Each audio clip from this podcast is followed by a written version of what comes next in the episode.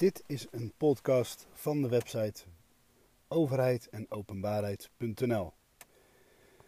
Afgelopen week verscheen op internet een bericht dat de oppositie van de gemeente in de gemeenteraad van Almere zich gedwongen voelde om met een aantal partijen een WOP-verzoek in te dienen bij het college van BMW. De normale wegen die de gemeentewet geeft om te komen tot informatieuitwisseling tussen college en gemeenteraad leiden niet tot de gewenste informatievoorziening aan de gemeenteraad, waardoor de oppositie zich gedwongen voelde om de weg van de WOP te bewandelen. Dat werpt de vraag op wie eigenlijk een WOP-verzoek kan doen. De wet openbaarheid van bestuur is daar in artikel 3 eerste lid duidelijk over. En ieder kan een verzoek om informatie richten tot een bestuursorgaan. En ieder, dat betekent dat belanghebbendheid of anderszins een betrokkenheid bij het onderwerp, de bestuurlijke aangelegenheid, waarover informatie wordt opgevraagd, er niet toe doet. Dat maakt dus ook dat een gemeenteraadslid zich prima, ook via de WOP, toegang kan proberen te verschaffen tot informatie die bij het college van BMW berust. Want ook zo'n raadslid is een ieder, zoals bedoeld in artikel 3 van de WOP. Ergens is het natuurlijk vreemd. De gemeentewet geeft in bijvoorbeeld artikel 169 van de gemeentewet geeft een prima ingang tot informatie die bij het college berust. Daarin is immers het inlichtingenrecht verankerd, wat een gemeenteraadslid, en eigenlijk ieder gemeenteraadslid, toekomt om vragen te stellen, informatie op te vragen bij het college van BMW of bij de burgemeester.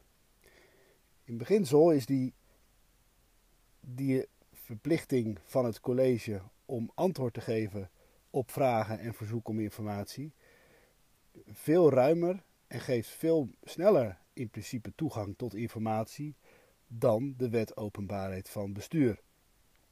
Het mooie is dat de gemeentewet ook bijvoorbeeld mogelijkheden geeft om stukken onder geheimhouding over te leggen aan de gemeenteraad.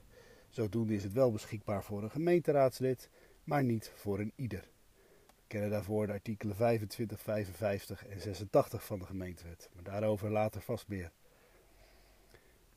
Toch geeft dat inlichtingenrecht, wat meer een politiek-bestuurlijk kader geeft voor de relatie tussen gemeenteraad en college, veel minder houvast. Het geeft minder vaste procedures en minder vanzelfsprekend recht op een beoordeling van documenten die onder het college berusten.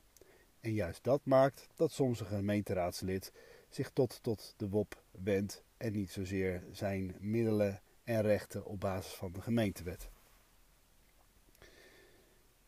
Bijzonder is dat, puur gegeven het feit dat een ieder een verzoek om informatie kan doen, die belanghebbendheid er ook niet toe doet bij het beoordelen of iemand eerder of pas later recht krijgt op informatie.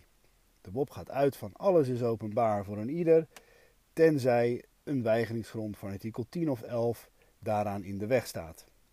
In zoverre maakt het zijn van gemeenteraadslid bij een WOP-verzoek dus ook niet uit. Dat een gemeenteraadslid eerder openbaarheid zou moeten uh, verwachten op basis van de WOP, is dus niet aan de orde. Bijzonder in dat kader is een uitspraak van de voorzieningenrechter van de rechtbank in Den Bosch van 23 juli 2019. Het ECLI-nummer is RBOBR 2019 6776. Want ook daarbij speelde dat een raadslid van de gemeente Eindhoven een WOP-verzoek had gericht tot het college van BMW, omdat hij bepaalde informatie steeds maar niet kreeg. De vraag die voorlag was of, het ging om een verlopen voorziening, het gemeenteraadslid een spoedeisend belang had bij een snel besluit tot al dan niet openbaarmaking van de informatie die hij vroeg. In de regel is dat spoedeisend belang niet zo snel gegeven voor de verzoeker om informatie. De WOP geeft met de Algemene Wet Bestuursrecht vaste procedures en termijnen om te beslissen op een WOP-verzoek. die, en ik hoor het u al denken, nog wel eens met voeten wordt getreden. Maar in principe geeft het recht daarmee het kader wat je wanneer mag verwachten van het bestuursorgaan wat moet verzoeken, wat moet besluiten op een WOP-verzoek. In dit geval was het bijzonder dat het zijn van gemeenteraadslid toch maakte dat de voorzieningenrechter vond dat er sprake was van een spoedeisend belang. Het gemeenteraadslid had namelijk aangegeven dat hij de informatie waar zijn bezoek op zag nodig had voor een bepaalde raadsvergadering.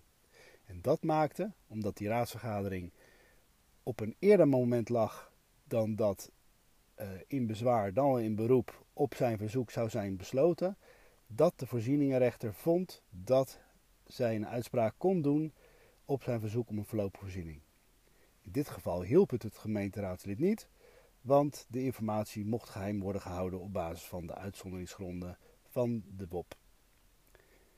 Voor zover het onderwerp of een gemeenteraadslid en wie dan ook een WOP-verzoek kan doen en binnen welk kader dat dan zich afspeelt.